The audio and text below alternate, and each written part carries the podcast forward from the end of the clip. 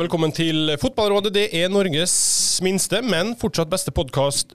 Kristoffer, eh, dere møter FCSB, eh, som det heter nå offisielt. Populært kalt Stoja Bucuresti i morgen. Du kjenner til eieren der? Gigi Bekali, eller? Jeg hørte om ja, Han eier vel stort sett alt som er rundt om i, i gatene her vi er nå i Bucuresti. Så penger har han. Og tar ut laget når han vil det? Gjør de bytter når han vil? Ja, Spesielt når det lugger litt, så er det vel han som styrer hele sjappa. Så de har vel kanskje ikke kommet helt dit ennå i morgen, men vi, kanskje vi kan sørge for at de kommer dit, og at han må ta over igjen. Sikkert lett å forberede seg på det for Morten og Betty og Ja, perfekt. Det er bra. Velkommen nå til det, Ståle Solbakken. Du er i København. Eh, har du noen erfaring med kreative eiere i din historie? Ja, den siste jeg møtte, han var i hvert fall kreativ nok til å kaste meg ut av en klubb jeg hadde vært i tolv år og åtte måneder, så Nei, det må vi tåle i den bransjen her. Kreative og vanskelige eiere, det er en del av fotballen, er det ikke det? Det er blitt definitivt en del av fotballen. Veldig hyggelig at du er med, også du og Åsmund Bjørkan. Dere er med å eie en barnehage, dere. Er ikke det litt alternativt? Ja, vi må jo ta vare på nye generasjoner, så vi får uh, bygge opp der vi kan. Um, fin dag i går, eller? Vi spiller inn på onsdag, så dere vant mot Zagreb i går. Ja, Det er iallfall fantastisk opplevelse det å være i Europa og det å være på det nivået. Og vi møtte et veldig godt lag i går, og vi, vi viser at vi kan konkurrere. Og vi får med oss et uh, OK utgangspunkt for uh, en helt sikkert veldig spennende kamp i neste uke på bortebane. Bra, det er et fint oppspill, det. For vi har samla dere for å snakke om norsk fotball, selvfølgelig, og prøve å finne på svar på om den er for å spissformulere det litt, på vei inn i en ny gullalder. Vi kan ta bare et par tall først. Vi er rangert på 36.-plass på Fifa-rankinga fra juni. Det er opp ni plasser siden februar, og det er hele 50 plasser bedre enn bunnoteringa i 2017. Og så er vi samtidig på 17.-plass på Uefa-koeffisienten. Det er opp fem plasser fra i fjor, og tolv plasser fra 2018. Uh, og bare kort, hvis vi greier å komme oss opp på en 15.-plass, f.eks., som det ikke er veldig langt opp til, så er det to lag i Champions League-kvaliken, ett i Europaligaen og to i Conference. Så det er jo definitivt noe man ønsker, Uh, og Fifa-rankingen er da selvfølgelig landslaget og Uefa-koeffisienten er Europacupen. Uh, du Ståle, kan det går an å si noe generelt om nivået på norsk eh, toppfotball, herrefotball, i øyeblikket? Eh, ja, altså Det du kan si er at Vi har hatt to lokomotiv da, de siste åra i Molde og Bodø-Glimt, som begge to har eh, eh vært jevnlig i, i, Europa og, og bytt eh, fra seg. og da samle poeng til det du snakker om. Eh, og så ser vi jo nå at det er en økende satsing rundt omkring i, i klubba. Eh, eh, vi ser noen, eh, ja, vi ser noen eh, hva skal vi si, hårete overganger, overgangssummer. Vi ser en, en iver etter å, å, å flytte da fokuset på til fra ett til to steder. altså Det at det blir flere norske klubber som tenker Europa. Eh, jeg synes at, eh, at, eh, Og at mange norske klubber jobber bra nå. Vi har et Lillestrøm som, som, har vært nede og vendt i Obos, og som har bygd stein for stein veldig fort, holdt jeg på å si. Du har de to nevnte klubba i Molde, Bodø-Glimt. Rosenborg er kanskje på vei tilbake. Viking kanskje òg. Vålerenga satser hardt nå. Eh, og Det er viktig at eh, hvis vi kan få Brann eh, opp på et høyere, enda høyere nivå da de kommer i Tippeligaen, at de store byene preger norsk fotball jevnlig over tid, der sannsynligvis de største økonomiske forutsetningene ligger, så er det bra. Og så må vi bare skryte av de klubbene som har greid litt mot alle odds, f.eks. av Bodø-Glimt. Til å altså, Jeg merker jo litt det da de spillerne jeg har hatt fra Bodø-Glimt komme inn på landslaget. Nå har jo de forsvunnet ut i den store verden, stort sett alle, da, men at, eh, at, de kommer fra en kultur som, eh, hvor de er trygge. Eh, og hvor de går inn på samlingen med, med stor kvalitet, og det er gledelig. Så mm, jeg ser optimistisk på norsk fotball, og så må vi hele tida tenke utvikling og hele tida ikke være fornøyd med det som er nå. For det, det er små marginer i det gamet her eh, for at eh, det skal gå andre veien. og der har, eh, der har vi vært flinke det siste. Eh, for din del og landslaget, da, hvor mye bedre syns du dere står i dag kontra da du tok over for det var to år siden? Altså, nå er vi et lag. Altså, den første perioden min med koronagreiene det var jo et mareritt. Eh, så vi, vi, vi kjente jo nesten ikke hverandre. Vi, så, så, nå er vi et lag. Vi er en, eh, da vi møtes inn til samling, så starter vi nytt hver gang. Vi, vi, repeterer, men vi kan nå bygge videre. Uh, og vi har noen profiler som, uh, som, kommer til å prege norsk fotball i mange mange år. Som er unge og som er av de beste som fins. Eh, og I tillegg så, så, har vi våre utfordringer, vi òg, eh, med spilletid på noen av de eh, hva skal vi si, spillerne som, som har gått ut ganske seint nå. Har fått veldig lite spilletid, litt for mange. Så de utfordringene vil vel kanskje alltid være et lite land. At vi f.eks. nå er veldig, veldig godt stelt på den sentrale midtbane. Eh, og kanskje er mer offensive forutsetninger enn defensive forutsetninger. Men det må vi prøve å lappe på og gjøre at vi fortsetter å utvikle oss. og Jeg tror ikke at de gutta som går på banen og er redd for noen at vi, ikke, at vi skal bli utstilt eller at vi ikke skal gjøre en god kamp eller at vi ikke føler at vi skal føle oss hjemme der. Så det, Vi har i hvert fall kommet dit. og Så, så gjelder det det der sluttspillet. Vi må ha slutt, vi må ha slutt på det gnålet der. Eh, absolutt, dit må vi. Eh, dere Åsmund, har spilt noen europacupkamper nå. Eh, og Noen har vært mer spektakulære enn andre. Hva erfaringer har egentlig dere dratt fra det? Hvor ligger på en måte nivået, og hvor komfortable er dere blitt? Nei, altså Opplevelsen er jo at vi føler oss konkurransedyktige og vi føler oss veldig komfortable egentlig i, i forhold til de eh, gode lagene vi også har møtt. Og Vi ser jo også at andre norske lag også gjør det bra i Europa, og ikke minst eh, landslaget, selvfølgelig. Jeg tenker at eh, et viktig poeng at eh, si, fotballen er ikke statisk, fotballen er dynamisk. sånn at den, Og det tar tid å utvikle tid og retning å utvikle fotballspillere og fotballag. sånn at Norge gjør det bra og norske lag gjør det bra nå fordi at man har jobba godt over en periode. Det er ikke sånn at vi begynte i går med noe som var bra. og så I Bodø-Glimt f.eks. så så har vi på en måte, føler vi sjøl i hvert fall, hatt en tydelig retning over fem, seks, sju år i hvert fall. Eh, sånn at eh, det blir jo viktig i forhold til fortsettelsen og det å fortsette den gode utviklinga som norsk fotball er inne i. Så blir det jo viktig at vi fortsetter som eh, Ståle sier, at vi fortsetter å ta steg og fortsetter å utvikle det vi holder på med. Eh, men hvis du spør eh, si, meg og Bodø-Glimt akkurat nå, hvordan vi føler at vi står i Bodø-Glimt nå, så føler vi oss konkurransedyktige eh, også på høyt internasjonalt nivå. Og det er jo selvfølgelig utrolig artig for vår del. For Det hørtes jo nesten ut, det var kanskje Pellegrino det som ø, sa at det opplevdes nesten som han tapte i går, sjøl om han slo Dinamo Zagreb. Det sier vel kanskje litt om hvor man har kommet hen av forventninger sjøl òg, eller hva man krever av seg sjøl, eller?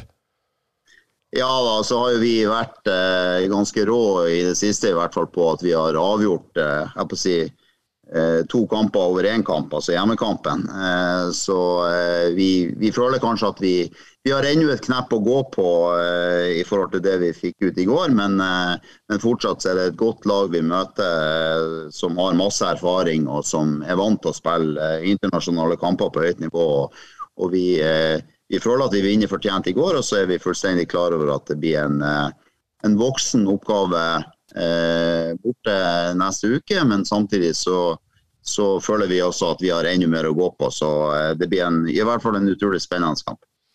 Du da, Kristoffer, hva, hva syns du, eh, hvis du skal oppsummere hva ditt syn er på norsk fotball akkurat nå? Hvor mye lenger har vi kommet? Hvor gode er vi blitt? Eller hva? Ja. Ja, altså Det blir jo veldig lett å bli eh, å se veldig kort på det og bli revet med av den eh, runden Bodø-Glimt spesielt eh, hadde i fjor, da, og Molde også i Europacupen, i Europa der når de vel eh, tatt mot Granada, eller, eller, hva det var. Så, men det som jeg syns er litt interessant, er når jeg ser Jeg har jo sjøl vært på Aspmyra og spilt kamp. og siste par sesongene og kjent på hvor, hvor, fort det kan gå og hvor tøft det kan være da, å, å spille mot Bodø-Glimt på sitt aller beste. Samme kan jo gjelde på Aker stadion f.eks. jeg syns det er litt deilig å se at det kommer internasjonale lag også til Aspmyra og sliter med å henge med på tempoet. Uh, og at vi ikke er kun der nå lenger, der du kunne se på et, uh, se på et norsk lag ute i Europa bare ligge og ta imot og håpe, håpe på det beste. At det har kommet, Jeg blir veldig inspirert av, av den delen. At Bodø-Glimt gjennom sin måte å spille på har har bygd et lag som er godt nok til å konkurrere over tid. Da ser det ut som de har 13 eh, hjemmekamper, 13 strake serier på Aspmyra i Europacupen, 14-4 i målforskjell. Eh, da, da, gjør du noe rett. og eh, vi skal vel innom det senere, det at enkelte kan bli misunnelige og redd for at de skal stikke av. Men jeg ser på det som en voldsom inspirasjonskilde, i hvert fall. Da. For her er det et lag som uh, relativt nylig kom fra Obos-ligaen og har bygd eh, en kultur sakte, men sikkert. Og nå har eh, muligheten til å, å være meget konkurransedyktig på, på europeisk grunn. Så, og da er det da er ikke snakk om at det er et Rosenborg-lag som har de største og beste forutsetningene. Det er et Bodø-Glimt-lag som ja, på sett og vis også kunne ha vært Ålesund, for, å, for å si det sånn. Eh, det å ha sånne Nå er jo historisk sett ikke Glimt et lokomotiv, Ståle, men det å ha i hvert fall et sportslig lokomotiv da, sånn, som viser å bryte noen barrierer der, hvor viktig er det for, eh, for dem som kommer bak eller kriger med Glimt? Det er særdeles viktig. og jeg håper at det kan være flere lokomotiv, at den konkurransen kan bli enda større. At, at, og Det er det jeg var inne på i stad. uh, nå, nå, ser det ut som Bodø-Glimt uh, økonomisk òg har et fundament. At de kan tåle å de kan antageligvis tåle en sesong utenom Europa eh, i forhold til det de har gjort både på spillehandler og europeisk fotball. og Det gir jo en viss trygghet til at du kan bygge. Molde har ligget i toppen over lang lang tid og har, eh, og har en bra kontinuitet både i ledelse og på, på trenersida og ikke minst på eiersiden da, eh, med, med Røkke. Eh, og så er det jo håpet at, at, de største byene da, med, med, Trondheim, Stavanger, Oslo og Bergen Oslo og omegn, får vi si med Lillestrøm, kan, kan komme og, og, by opp til dans. Og det, det vil jo òg gjøre at man dytter hverandre. Eh, og stadig, eh, og stadig eh, blir og kampene i Eliteserien i en høyere kvalitet oftere. Eh, sånn at eh, det tempoet som Kristoffer eh, prater om på Aspmyra, det finner vi oftere andre steder òg. så det, det, er bare positivt. Lokomotiv trenger vi. Eh, jeg tenkte Vi skulle litt innom det, for hvor viktig er det med altså de store klubbene da, at de gjør det bra, uavhengig av hva man liker eller ikke? Altså Rosenborg, Vålerenga, Viking, Brann. At de stabilt er gode over tid, som de ikke har vært på en god stund nå. Ja, det, altså jeg tror jo det er viktig, men samtidig så, jo, så kommer det solskinnshistorier andre steder enn. Og, og, og Bodø-Glimt er det beste eksempelet på det. Eh, så eh, Det er jo sånn Norge er. da, at, at, Noen klubber vil jo aldri bli så store at, at det ikke er mulig tror jeg, da, for, for, de som jobber godt over tid. og Det har Bodø-Glimt gjort nå. sånn at De har satt de såkalte store da, på plass. Og, og, sånn eh, tror jeg kanskje òg at, eh, at, det vil være i framtida. Det, eh, det, er ikke sånn at bare Brann og Vålerenga og Viking kan bare knipse og tro at, at de kan holde HamKam, Ålesund og Kristiansund, kanskje Kristiansund i år, men eh, holde de bak seg i en sesong hvor, hvor, de ikke er godt forberedt, hvor de ikke bygger på noe. Og Det er jo litt herligheten med norsk fotball, og det er jo det som gjør at, eh, det gjør at uh, man har mange håpefulle ledere, trenere og spillere rundt i det ganske land. Så det, er jo en balanse der. da. Uh, og Bodø-Glimt er jo en Askeladd nå. Det, at vi hadde sittet her og snakket om at Bodø-Glimt altså har en bra sjanse for å komme inn i Champions League. Hvis du tar et tilbakeblikk på det Åsmund sa i tidsperspektivet fem-seks år tilbake, så hadde, vi, så hadde vi ikke satt huset vårt på det. Eh, hva ser dere i Glimt da for dere er mulig å få til? Er, finnes det noe tak for dere med de ressursene dere har, bystørrelse og alt sånt, eller er på en måte dette her eh, Alt kan gå? Nei, Jeg tror i hvert fall at Bodø-Glimt er en god illustrasjon på at det er veldig vanskelig å se hvor det taket er. Eh, og så er det jo tilbake til det Ståle sier, så det handler jo om å jobbe godt hver eneste dag. Eh, og det er jo det som jeg på å si, Bodø-Glimt med Kjetil og, og, trenerteamet i spissen har klart å få til. At man, eh, man har et veldig fokus på å, å, ta små steg hver eneste dag. Og, og når Bodø-Glimt kan få det til på den måten vi har gjort, så betyr jo det at, eh, at veldig mange lag kan få det til. Eh, og det er jo i hvert fall utrolig artig det vi står i nå. og det er, vel, det er vel det alle som holder på med fotball har lyst til å oppleve. Nå er man jo hakket foran Danmark på den Uefa-rankinga, i hvert fall for klubblag. da. Eh, Eh, og så har man jo egentlig mange år hørt at danskene er så mye bedre enn oss, og det har kanskje stemt òg. Eh, men hva har danske klubber vært gode på, Ståle? Er det kun større økonomi som gjør at de har på en måte levert bedre i Europa, eller hva er på en måte nøkkelen der? Ja, så Det har jo vært litt sånn i Danmark nå da, at uh, over et lang lang tid egentlig, at det har vært FC København og FC Midtjylland som på en måte er representert i Europa. Men det var jo veldig lenge at uh, si, vi da, var de eneste som var i Europa hvert år. Men vi var der veldig lenge, og vi var der i, alltid. og og vi sanket så mange poeng at, uh, at vi, vi hjalp på en måte altså Den sidingen av FCK har nå, da de vinner den danske ligaen, så skal de spille én kamp, og det er mot et, tyrk, eh, et eh, tyrkisk lag. Og da er du liksom, eller Hjemme og borte der, så er du rett inn i Champions League, liksom. Og det er jo fordi at sidingen er som den er, eh, og at og det har gjort så bra over så lang tid. Og Midtjylland sleit jo veldig lenge med å knekke den europeiske nøkkelen, men nå har de jo knekt den. Fått mye større ressurser, jobber med treningsanlegg, prøver å bygge ut klubben. Eh, og er jevnlig i Europa. Og så har jo Brøndby vært nede og vendt. Eh, så har AGF eh, vært til og fra, Aalborg til og fra. Så Odense er veldig svake over lang tid. Så det er jo de store byene, andre store byene da, utenom København og Herning som trenger å komme opp. Så det er litt samme problematikken. Og så tror jeg nå at den danske ligaen er at topplagene er ikke så gode, men de bunnlagene er mye bedre. Så det er veldig teit, altså jevn, tight liga. Uh, og så kommer vi tilbake til det som, uh, som jeg alltid spiller inn her. Da. Det er jo at, uh, det er jo at de selger og kjøper for mye større summer enn det, altså, enn det norske klubber gjør. Altså, det vil si at det er mange, mye flere penger i omløp. Altså, de selger for mange, mange flere millioner kroner hvert eneste år. Eh, og det, det, er jo noe vi gjerne må prøve å jevne ut. Da vil det jo bli større eh, blir det mer penger, inntekter utenom TV-avtaler og sponsoravtaler etc. I, i Norge òg. Og det er jo, enten du vil eller ikke, så er penger viktig der. Eh, og da må vi fjerne kunstgresset bl.a. For det er, en, det er en Da tenker jeg ikke på Bodø-Glimt og Tromsø, men alle andre lag. Fordi at det vil gjøre at de som ser på de norske spillere, i mye større grad vil eh, ta bort den tvilen om de gutta kan spille på noe annet enn kunstgress. Hvordan skal, bare for å ta det, eh, Du har jo snakka om kunstgress før. Hvordan skal man få til det? For det er jo en, åpenbart en økonomisk stor investering for mange klubber å skulle gjøre i så fall. Ja, for det første må man tørre å si at fotball skal spilles på gress, og så må man prioritere det. og det, Da må de store klubbene gå foran oss der. Eh, og Da må vi prøve å se om vi kan få til noen støtteordninger. kan, eh, eh, og så må vi ikke være så redd for å tro at det gresset ikke holder. Altså, altså, det finnes gresspesialister som klarer det nå i mye mye større grad enn før.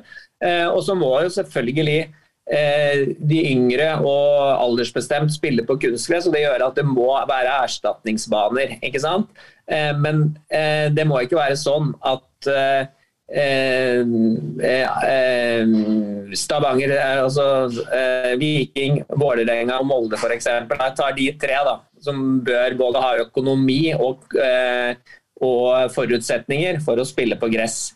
Hvis de tre spiller på gress og vi klarer å få til ordninger som gjør at det ikke går utover økonomien i altfor stor grad, og at de yngste får lov å spille på kunstgress et annet sted, Eh, så vil det være si at 75 av alle kampene til alle de presumptivt beste lagene i Norge spilles på gress. Det vil heve standarden, tror jeg. Det vil òg heve, også heve de markedskreftene som gjør at vi kan selge for mange flere kroner.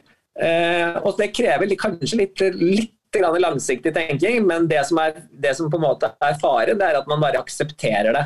Eh, da den diskusjonen kom for ti år siden, eller når det var alle de kunstgressene kom, så var jo NFF med på å si at dette var en veldig veldig god idé. Eh, og at om noen få år så vil kunstgress bli helt likt eh, gress. Men hvis jeg ser nå på Intility før den ble byttet, hvis jeg ser på Briskeby, da, som jeg av og til er innom, hvis jeg av og til er innom Viking, hvis jeg av og til ser en kamp i Molde, så er noen av de kunstgressbanene der av en sånn karakter at, at, at det, det, er bare ikke god, godt nok. Og lenger er den ikke. Og det kan ikke være sånn at alle i hver eneste toppklubb fra, fra miniputtlaget skal spille og det skal være aktiviteter døgnet rundt. For da blir de kunstgressbanene dårlig veldig fort.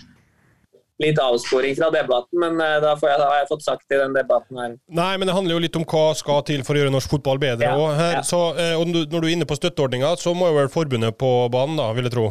Ja, det er jo én ting, men du må huske på at i, altså, det er jo klubbene sjøl som, eh, som, nå omtrent eh, Jeg veit ikke hvor stor prosentandel av de pengene som omsettes i, i, i eh, Fotball-Norge i dag, som, som, går rett til klubbene. og som, Det er en veldig veldig høy prosentdel. Så Det handler jo om liksom å prioritere, men jeg er helt enig at Fotballforbundet må på banen. Vi må prøve å tilrettelegge det. Eh, jeg har allerede tatt en snakk med Karl Petter Løken om det, eh, og Lise.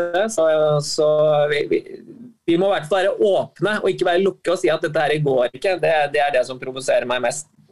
Karl Petter er ingeniør, ikke det? så det bør være i det beste, beste ja, Han kan reise litt, ja. Men Hva tenker du Kristoffer, rundt akkurat det her? Du ville sikkert hatt naturgress du på, på SR Bank hvis du fikk velge? Ja, veldig gjerne. og Vi var jo innom det her tidlig, en tidligere episode. og jeg, jeg, var jo innom tanken på at eh, hvis vi tror på det her, at det her skal gjøre norske klubber mer konkurransedyktige i Europa, det skal det omsettes da spillere for, eh, for flere millioner, så måtte man kanskje ha sett på en modell der norske lags e-cup-inntekter f.eks hadde en liten prosentandel av dem hadde gått tilbake til en pool som på, som kunne ha vært spredd ut i klubbene eh, til å være med å finansiere dette. her. Der f.eks. vi altså Jeg er jo litt mer der at uh, man heier på hverandre i Europa. for at hvis en klubbs inntekter øker, så vil de da generere eh, mersalg innad i Norge f.eks. Det vil øke kvaliteten innad i Norge, og så får det ringvirkninger som er mye større enn de der kortsiktige som vi tenker på at å huff, Bodø-Glimt tjener så så mye, og nei, hjelp, nå blir det umulig å vinne serien. Så, så f.eks. en sånn del at der sier at uh, Viking tjener 10 millioner et år, der uh, så og så mange prosent av det går inn i denne potten fordi at vi mener at dette her Eh, hjelper det og få det til å rulle og gå på en, på en bedre måte.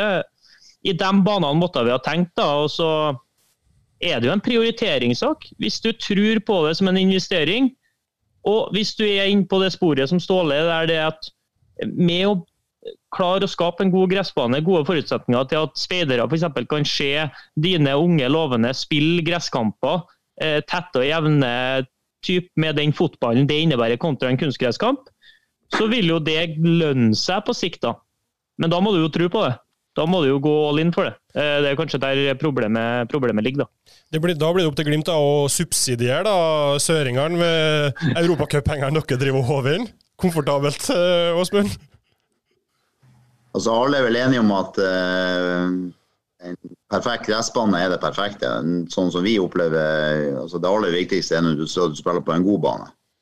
Og, en, eh, og vi har nå eh, vi har prestert. Eh, vi opplever at vi har iallfall nå har vi lagt ny. Vi fikk litt trøbbel i vinter etter at vi måtte begynne å spille kamper på kunstgresset i, i februar-mars. Og, og, litt traktorer og sånn som gjorde at vi måtte Eller at det iallfall Det var bra at banen vår ble bytta, da, for å si det sånn. Men nå har vi nå en, en veldig fin bane, og vi, vi presterer også godt på gress. sånn at så lenge banen er OK. Det, desidert, eh, så det er i hvert fall et, et viktig poeng i forhold til det, tenker jeg. Du har vært en del i Danmark og sett på spillere, og kan kjenner vel til nivået der. Det som står innpå her, hvor, hva er din eh, tanke rundt at de er flinkere, har vært i hvert fall til å selge spillere for en høyere sum? Har det mye med naturgress å gjøre, tror du?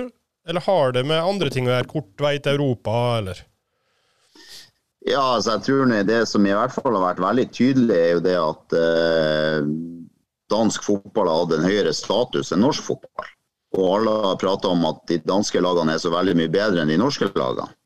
Eh, og eh, Sånn sett så er det jo en litt artig referanse, uten at man møtes jo ikke direkte, men den type hvordan det gikk med Malmö eh, mot Salgiris, eller de skandinaviske landene, for å si det sånn. Hvordan det gikk med Malmö mot Salgiris, hvordan det gikk med Bodø-Glimt mot Salgiris, eller hvordan det går når, når Molde møter Elfsborg, eller den type referanser er jo, er jo interessant eh, i forhold til faktisk hvordan nivå det er på de forskjellige lagene. For Det er klart det er jo litt sånn med fotball at det er jo veldig vanskelig å direkte sammenligne før man møtes direkte. Og, eh, og, eh, og Det er jo også en av utfordringene f.eks. For i forhold til spillerlogistikk. Altså at en spiller som fungerer godt én plass, er ikke nødvendigvis sånn at han fungerer like godt en annen plass. Eh, uten at det trenger å ha noe med banen å gjøre. Eh, men det er jo at eh, det er jo altså, jeg, tror jo bare i forhold til sammenligningen dansk fotball, det er klart du har større klubber i Danmark. du har du har en slags sånn opplevelse av at dansk fotball er mye bedre enn norsk fotball. Og Det vil jeg bare igjen få, få si fra mitt perspektiv, at jeg har ikke sett noen ting som tyder på at ikke norske lag er fullt ut konkurransedyktige per i dag mot de andre skandinaviske landene. Og så vil jeg si det sånn at, at norsk fotball har vært i en positiv utvikling en stund. Og, og, man ser at det er flere og flere som jobber bedre, og det merker jo vi eh, hver eneste helg når vi spiller kamp. at det er Eh, det er større, større, og større utfordringer. og Vi, vi også syns det er veldig artig å, å se den utviklinga også de andre norske lagene har. Eh, ok, Hvis kunstgress, eh, naturgress, er én ting man kan eh, endre på for å gjøre det bedre, hva andre ting da? Uten at man skal kanskje ta hele seriestrukturen. Hva tenker du f.eks. Ståle? Bør man ned på antall lag? Bør man innføre sluttspill, som man har gjort i Danmark? Hva, liksom, hva, hva grep kan man ta for å heve nivået enda et hakk?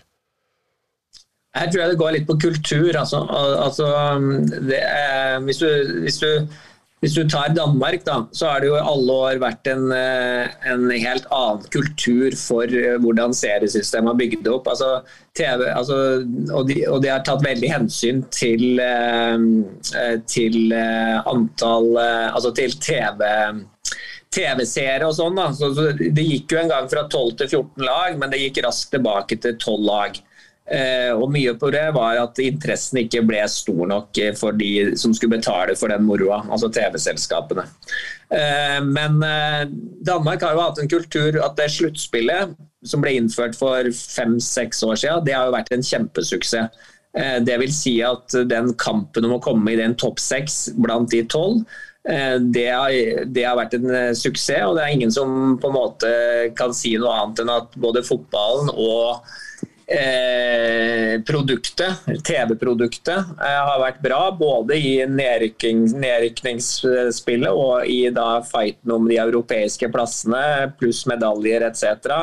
Eh, men det, det, man må huske på, er hva er, hva er kulturen for det her? Altså, hva er, hva er, altså, og, og, Der merker jeg jo, da jeg er ute og snakker og reiser, at motstanden for et eventuelt sluttspill, motstand for å på en måte minske antall lag, eh, er veldig, veldig stor. Og jeg, jeg har jo i et historisk perspektiv da, vært for at det skal være færre lag. Eh, jeg har ikke vært noe som har spilt for et, et sluttspill, det har jeg ikke vært. Men jeg har vært forkjemper for egentlig færre lag.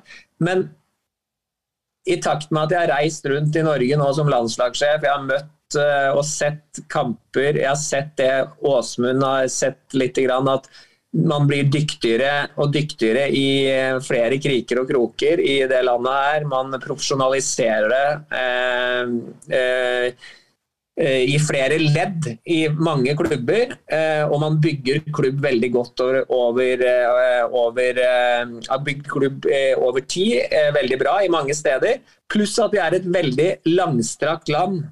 Og det da også vite at man har noe å se opp til da, i altså er tett på en eller annen eliteserieklubb, det skal man ikke kimse av. Og derfor er Derfor så er jeg mer sånn avbalansert forhold til det der. For det, det jobbes veldig bra.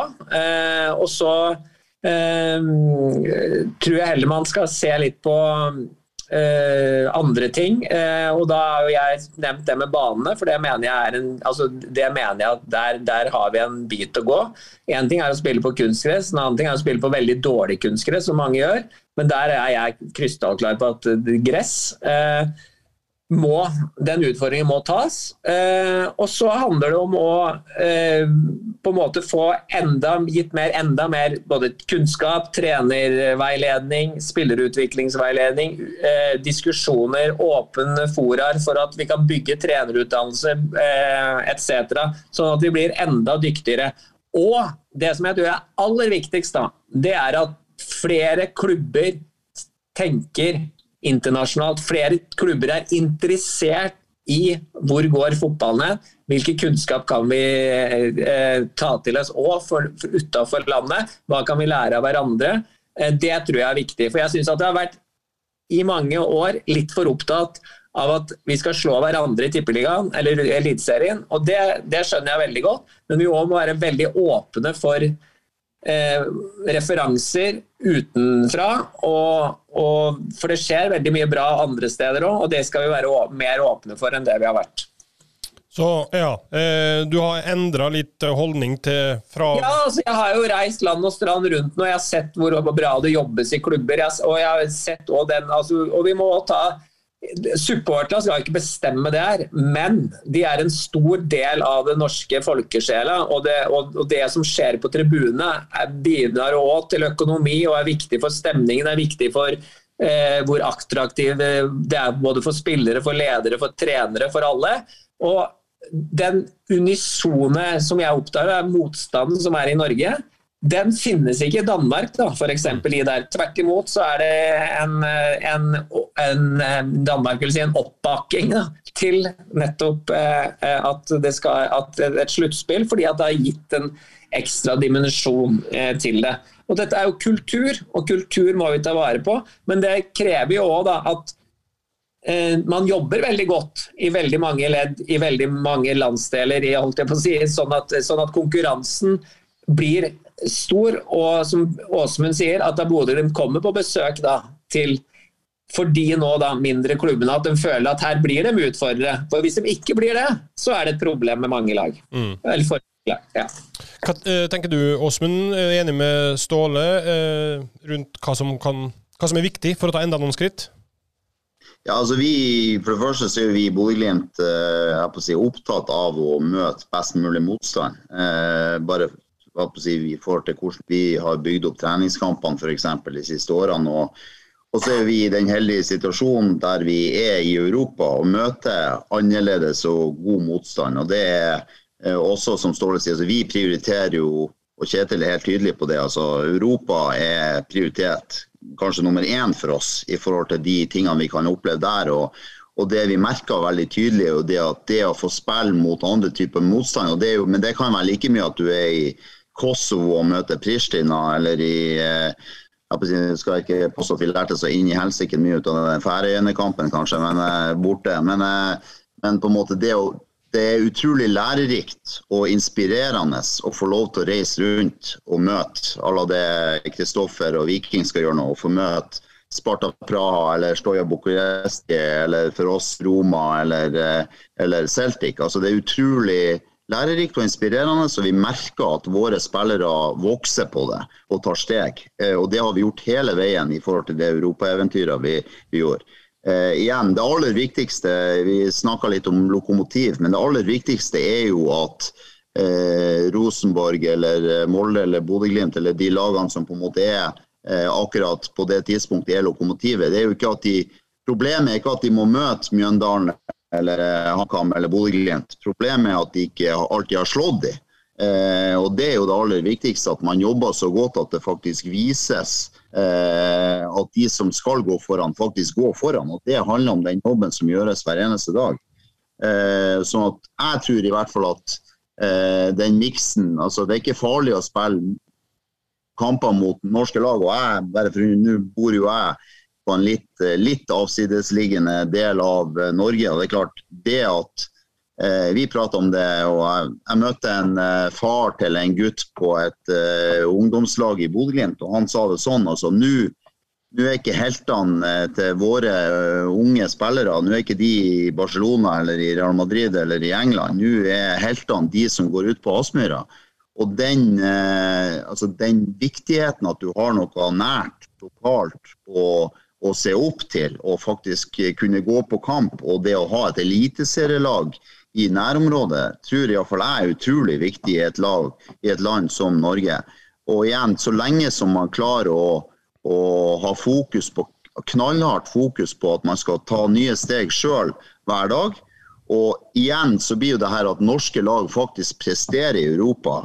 Eh, det kommer alle norske lag og alle norske spillere til gode. Og alle norske klubber eh, drar nytte av den type økonomi som skapes og den type konkurransekraft som vises eh, gjennom at norske lag faktisk kan slå et lag fra Romania eller et lag fra Bulgaria eller et lag fra Italia.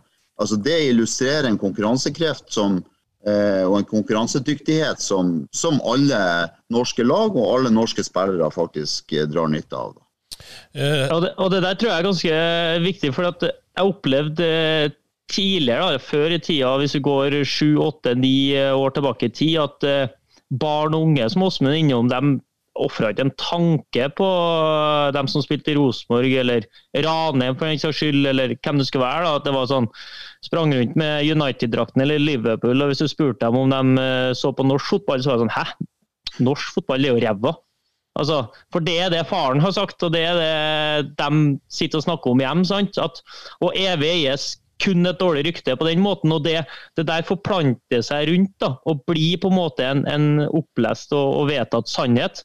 Men nå er det der i, virkelig i ferd med å snu. og det, det, er rett og slett fordi at man ser at det er da ikke så forbanna stor forskjell på et Molde-lag og et Bodø-Glimt-lag på sitt beste mot Okay, hvis du tar et skille, selvfølgelig, vi, vi har et øvre sjikte med City, Liverpool, PSG, Real Madrid. De kan på en måte seile sin egen sjø. Men det, man nærmer seg i hvert fall å være konkurransedyktig på det som er hakket under. da.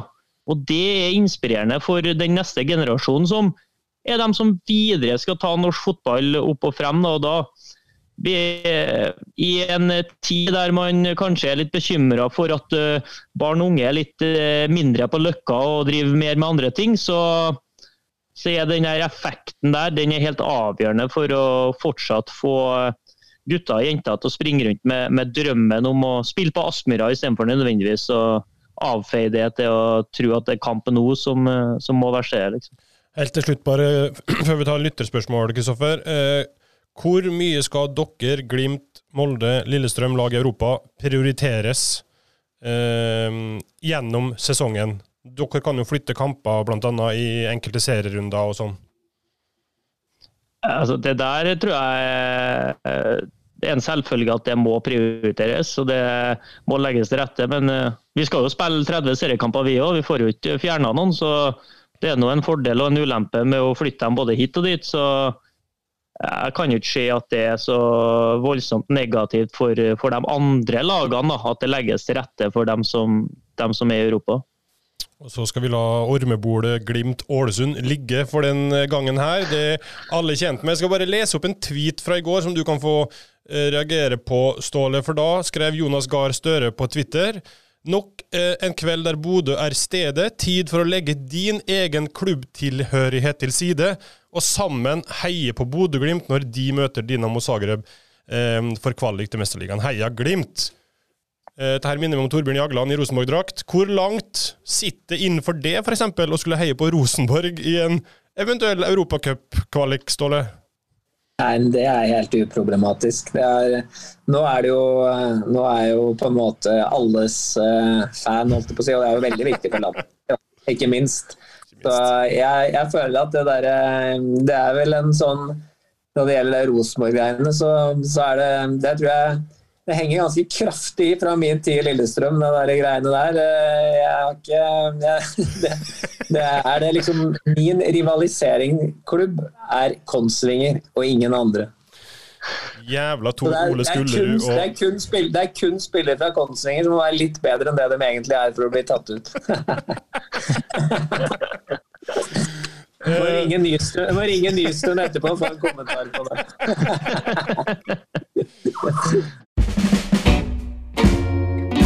Vi skal ta noen uh, lytterspørsmål. Først, Kristoffer, vi har tidligere i den podkasten her, bare til dok dere to andre, vi har prøvd å definere hva nivå man er på når man legger opp, og hva nivå man er på når man trapper ned.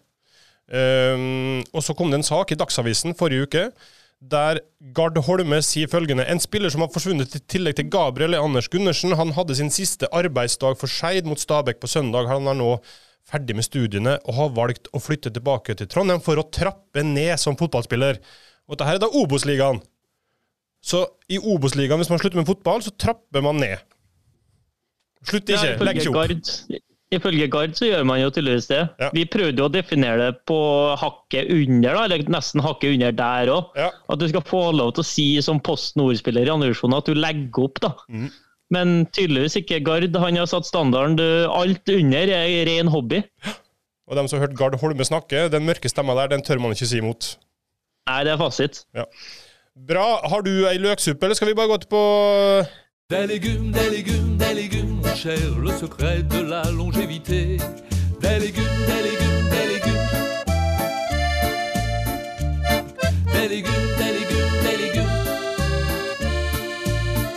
Nei, nei, nei, jeg må ikke avskrive den. Nei? Bra, da tar vi den, da. har, eh, og, og ukens løksuppe den eh, handler om en av våre gjester. For eh, en av våre gjester har jo jeg hatt som hovedtrener i min tid. For nå tenker vi jo på Åsmund som en som sitter mest på kontoret, trekker i trådene, speider og, og er en sånn ressurs inn mot trenerteamet i, eh, i Bodø. Men eh, ikke glem at eh, trenerkarrieren til Åsmund den består av veldig fine resultater. Vi, skal, vi trenger ikke å lese opp det, du trenger ikke å nevne det sjøl, Åsmund, men du har en god trener-CV. Og i det siste, så, altså når det har kommet til taktiske grep, så var Åsmund veldig dyktig. Og et av de beste taktiske grepene som jeg har hørt om, har Åsmund gjennomført for Ranheim 2. Eh, og nå i disse dager så er det jo fem bytter, så du har masse muligheter til å, å trikse og mikse litt, men på den tida var det tre bytter. Og Åsmund, han eh, i tillegg til å trene A-laget i Ranheim, det er jo mer enn en heltidsjobb. Eh, Der var ikke akkurat kjemperessurser, men han var med også og coacha Ranheim 2. Og Ranheim 2 var i fjerdedivisjon, ønska å rykke opp til tredjedivisjon og hadde en helt avgjørende kamp borte mot Frøya. Eh, Med som keeper var sønn av Rune Bratseth, Eivind Bratseth. Eh, og en, en habil tredjevisjonskeeper. Eh, veldig fin i treningsgruppa, fantastisk mann. Uh, og i ny og ne på trening så fikk jo Øyvind Han fikk uh, da når det var Even Bali og, og Lindberg i mål, så kunne jo han være med som en utespiller. Og Åsmund da, med sine skarpe øyne for talent, han observerte Eivind på ei trening som utespiller, og hadde tydeligvis det i tankene når Frøya leder 3-1 ca. ti minutter før slutt. Da er det kampens tredje bytte. Da står andrekeeperen klar. Han bytter jo ikke ut Eivind da. Han tar ut kanten, setter inn keeperen i mål og flytter Eivind Bratseth fra keeper og opp som kant. Og hva skjer? Jo da, på siste ti så blir det da går det fra 3-1 til 3-3, også nære seieren på overtid der. Men eh, det gjør jo da at eh, Ranheim 2 fortsatt har muligheten å rykke opp. Siste serierunde hjemme mot Åfjorden blir 13-1 og opprykket sikra på målforskjell. Men det var på hengende håret borte mot Frøya og var avhengig av et poeng. Og hvem er det da som velger å ta ut keeperen, sette den opp på kant? Er, nei, det er minner for historiebøkene. Det er sterk coaching. Meget sterk coaching. av Åsmund. Husker du, Åsmund? Nei.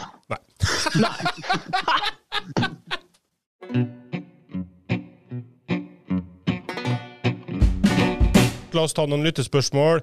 Ehm, spørsmål til Ståle. Hvor gjenkjennelig mener eh, han at de norske Glimt-eksportene ikke preger, at de norske Glimt-eksportene ikke preger sine nye klubber utenlands, er med det Rosenborgs ekspert, eh, eksporter gjorde på 90-tallet? Er det noe sammenlignbart her?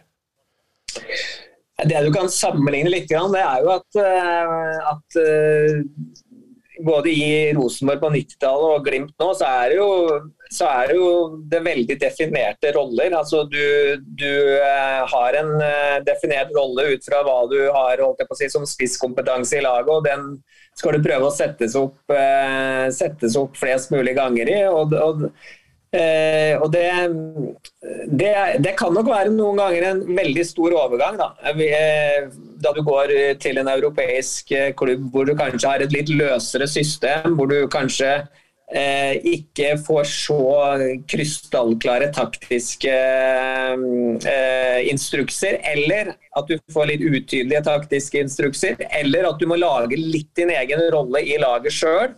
Eh, og Da kommer også den mentale verktøykassa inn. Eh, og så handler det litt om det er ny kultur, det er nye garderober, det er nye motstandere, det er ny type fotball. Og så har du på en måte eh, over tid da, prestert i en rolle, og så får du kanskje ikke ballen i den eh, posisjonen du vanligvis får den i. Så, så, så da tar ting litt tid. Eh, så det, det, er ikke helt sånn at det, jeg ikke tror at det er helt Det kan sammenligne Jeg syns det er et godt spørsmål, for det kan være en sammenligning eh, i det. Eh, og så er det jo litt sånn nå at du skal Og da er det jo litt mer Da er det jo litt at du får helt andre omgivelser andre steder òg. Altså motstandere annerledes. Motstanderstadioner, ligaer, kultur. Så, så, så, det ligger jo mye der òg. Og så er det jo veldig forskjellige, da.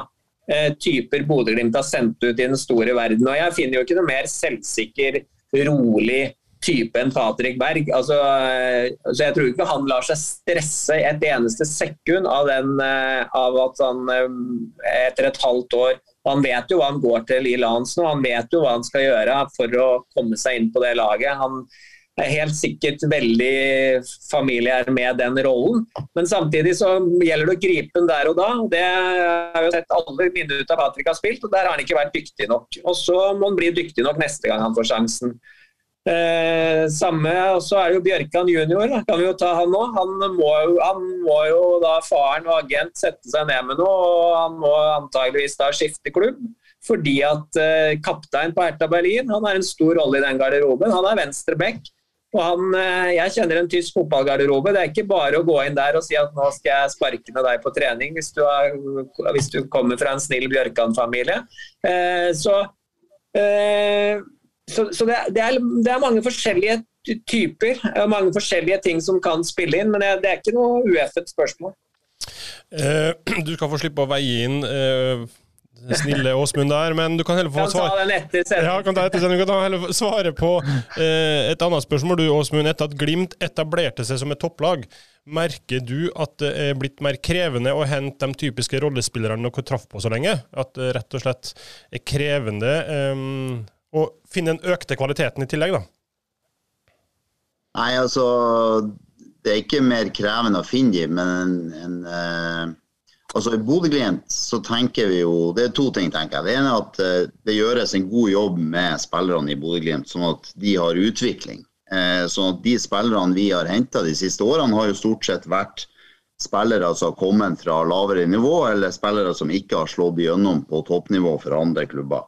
Og Sånn er det jo egentlig enda. Eh, altså Vi har jo fortsatt en utfordring med at det er mange lag for eksempel, som ikke ønsker å selge spillere til oss. og Det er også spillere i andre andre lag som ønsker å komme til oss, som ikke får lov til å gå til oss pga. Eh, at den klubben ikke vil selge til oss. Så vi klarer jo på en måte ennå å identifisere de spillerne som vi føler passer inn. Og så er jo vi veldig opptatt av å, å, eh, å utnytte spillerne sine X-faktor. Altså Vi ønsker på en måte å finne ut hva spilleren er ordentlig god på, og så ønsker vi å sette det i system. Eh, sånn at vi kan skape få mer ut av at, at, at, spillerne så ofte som mulig får gjort de tingene de er gode på.